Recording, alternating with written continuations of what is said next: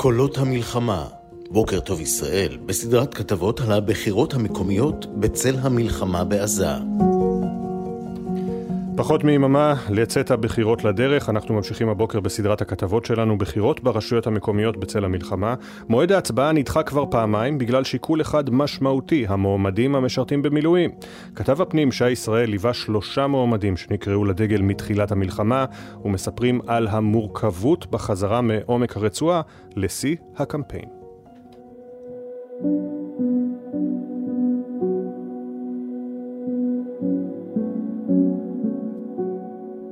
בשבעה באוקטובר אני מתעורר בבוקר בטבריה, בבית שלי. חבר מתקשר אליי, אני פותח טלוויזיה, רואה את הטנדר שנוסע בשדרות, לוקח את אשתי ואת עמנואל, הבת הקטנה שלי, להורים, ונוסע דרומה עם האקדח האישי שלי.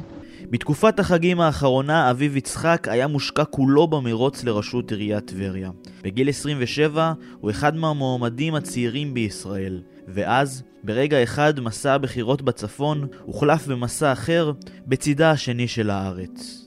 בשירות המילואים שלי אני סמג"ד בגבעתי, רב סרן. במהלך אה, כל הלחימה הייתי ביחד עם חטיבת גבעתי ברצועת עזה. התחלנו את הלחימה בצפון הרצועה, סיימנו אותה בדרום הרצועה. אני מודה שברגע שהגעתי לדרום הארץ וראיתי את המראות, שמעתי את הקולות, הרחתי את הריחות, הבנתי שאני לקמפיין הבחירות לא חוזר. הוא חזר אליו בן אדם קצת שונה, ועוד נחזור אליו בהמשך, אבל הסיפור שלו לא שונה מזה של מועמדים מילואימניקים אחרים. ב-7 באוקטובר, בשעות הצהריים, כמו רוב המילואימניקים, קיבלנו הקפצה לבסיס שלנו, חטיבת צנחנים במילואים, חטיבה 55, ישר הגענו לבילו. והתארגנו לירידה לדרום. זה ירון רוזנטל, בן 47, רב סמל בכיר במילואים שמתמודד לראשות המועצה האזורית גוש עציון. המעבר בין uh, קמפיין בחירות, שזה דבר מאוד מאוד uh, אינטנסיבי מבחינה נפשית, אתה כל כולך מושקע בזה, פתאום בשנייה אחת, או בכמה דקות, אתה פתאום מבין שכל מה שהיה נראה, כל עולמך, הוא פשוט טפל עכשיו, והדבר החשוב, היחיד, זה לקחת חלק במאמץ הלאומי.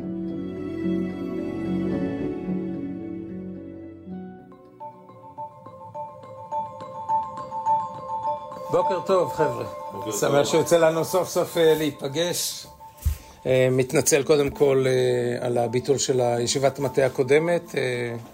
היה כנס מאוד מאוד חשוב של המינהלת, חטופים, נעדרים והשבים.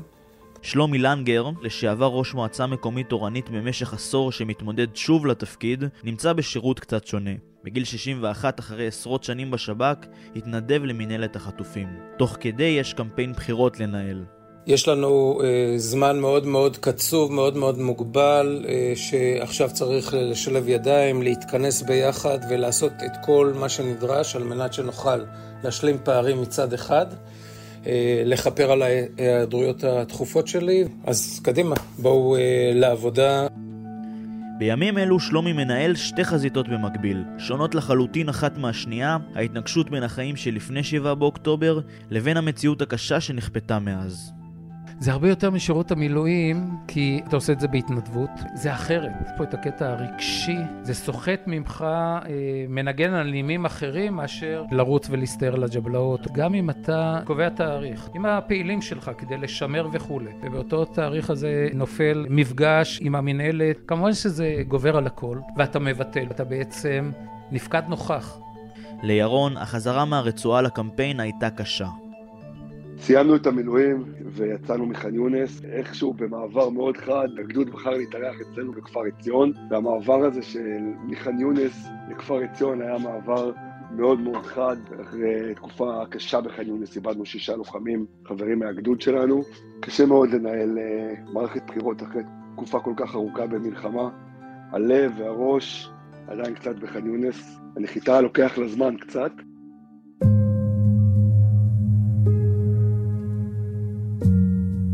היינו צריכים לרדת עד לרצועת עזה, להיכנס ללחימה 107 ימים כדי להבין את הדבר הבסיסי והפשוט ביותר. כולנו אחים.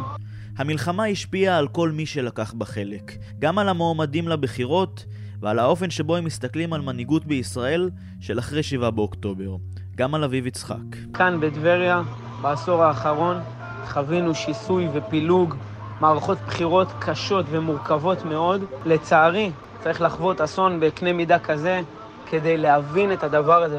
ולא רק אידיאולוגית, המלחמה השפיעה על הרובד האישי ביותר של כל אחד ואחד. אני חושש אה, ממצב שאני אצטרך לבוא ולהגיד, חבר'ה, אה, אני אה, צריך בעת הנוכחית להתנתק מהמינהלת ולהקדיש את כל כולי לטובת הקמפיין עצמו. הדילמה של שלומי מייצגת מועמדים רבים שהחליטו למרות הכל להמשיך להתמודד על הזכות לשרת ציבור. העסק הזה כל כך לא פשוט, אתה שומע עדויות, רואה את המראות, חווה דברים מזעזעים, ואתה צריך בערב להגיע למפגש ולשדר עסקים כרגיל. אה, אתה מפורק, אתה מפורק, ואתה צריך לעמוד מול תושבים שלך, ואתה צריך לשדר עסקים כרגיל, והם לא כרגיל, ואתה מרוקן.